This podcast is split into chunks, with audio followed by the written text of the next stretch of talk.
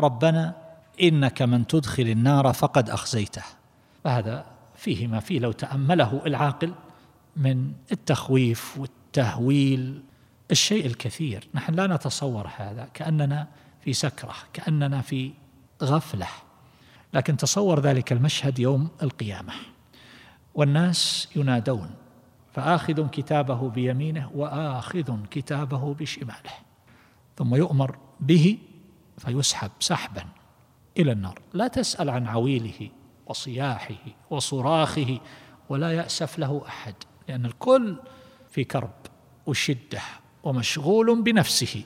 الأب الذي يشفق على أولاده في الدنيا ويقول أنا أقطع من جسدي لهم وإذا مرضوا قال ليت ذلك كان في ولم يكن فيهم.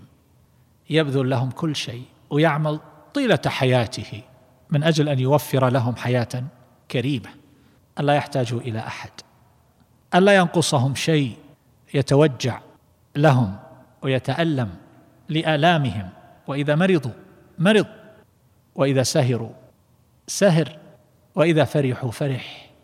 وإذا رآهم في هم وحزن أصابه أضعاف ما أصابهم. هذا مشاهد في الدنيا.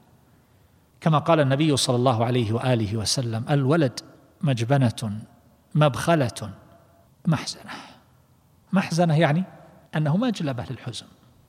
مبخلة سبب للبخل. إذا أراد أن ينفق بدأ يفكر بالأولاد. مجبنة يجبن يفكر بالأولاد من بعده. ومحزنة. كم يأتيه من الأحزان بسببهم. لكن في الآخرة الكل مشغول بنفسه. فهنا حينما يؤمر به هذا إلى النار صلى الله العافية ويسحب سحبا. ملائكة أشداء أقوياء ليس فيهم رحمة ثم يلقونه فيها. لا تسأل عن تلك الحسرة ولا تسأل عن تلك الخسارة ولا تسأل عن ذلك اليوم الفظيع وأفظع يوم أتى عليه حيث خسر كل شيء الخسارة الكبرى التي ليس بعدها ربح. فهذا لو بقي الإنسان يتأمل ويتفكر في ذلك المصير لهان عليه ما يبذل في هذه الدنيا من أعمال الصيام في اليوم الحار والقيام في ليل الشتاء الطويل وما أشبه ذلك يهون عليهم.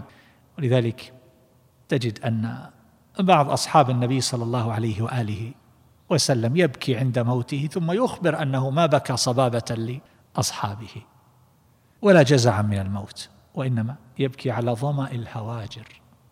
ظمأ الهواجر. الصيام هاجر في منتصف النهار لا مكيفات وليس عندهم إلا لهيب.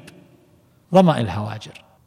وقيام ليل الشتاء الطويل مكابدة الليل الطويل في الشتاء بالقيام. ومزاحمة العلماء بالركب. يبكي على هذه الثلاث. ما يبكي على عقارات ولا على أولاد ولا على زوجات ولا على مراكب. ولا على دور ولا على نزح وأسفار وما شابه ذلك. إنما يبكي على هذه الأمور. هؤلاء تعلقت قلوبهم بالله عز وجل فهانت عليهم الدنيا وما يلقون من المشاق لأنهم أدركوا هذه الحقائق وعملوا من أجل ذلك اليوم. فتحصيل النجاة أيها الأحبة يا أيها الذين آمنوا قوا أنفسكم وأهليكم نارا وقودها الناس والحجارة.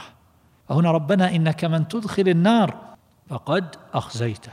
جاءوا بقد عبر بقد هنا التي دخلت على الفعل الماضي وهي تدل على التحقيق. قد أخزيته. تحقق له الخزي التام فقد أخزيته.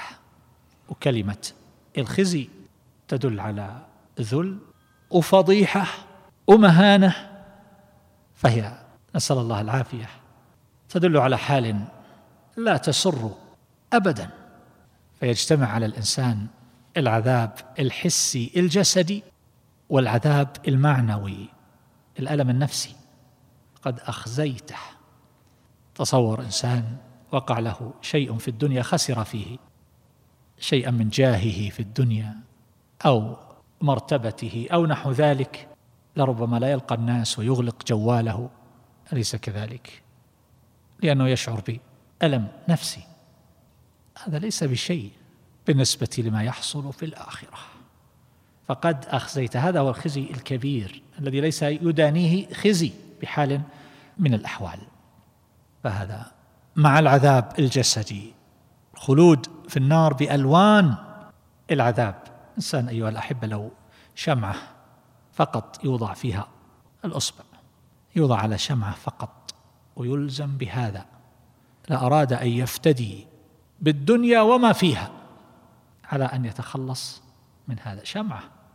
وهذه الشمعة ليست بشيء بالنسبة لنار جهنم. لا شيء. لا في الكيف ولا في الصفة. شمعة. لو جمرة قبض عليها بيده أو بين أنامله وقيل له انتظر دقائق بس. خمس دقائق. ما يطيق يطير. كيف؟ بعذاب النار يلقى في النار.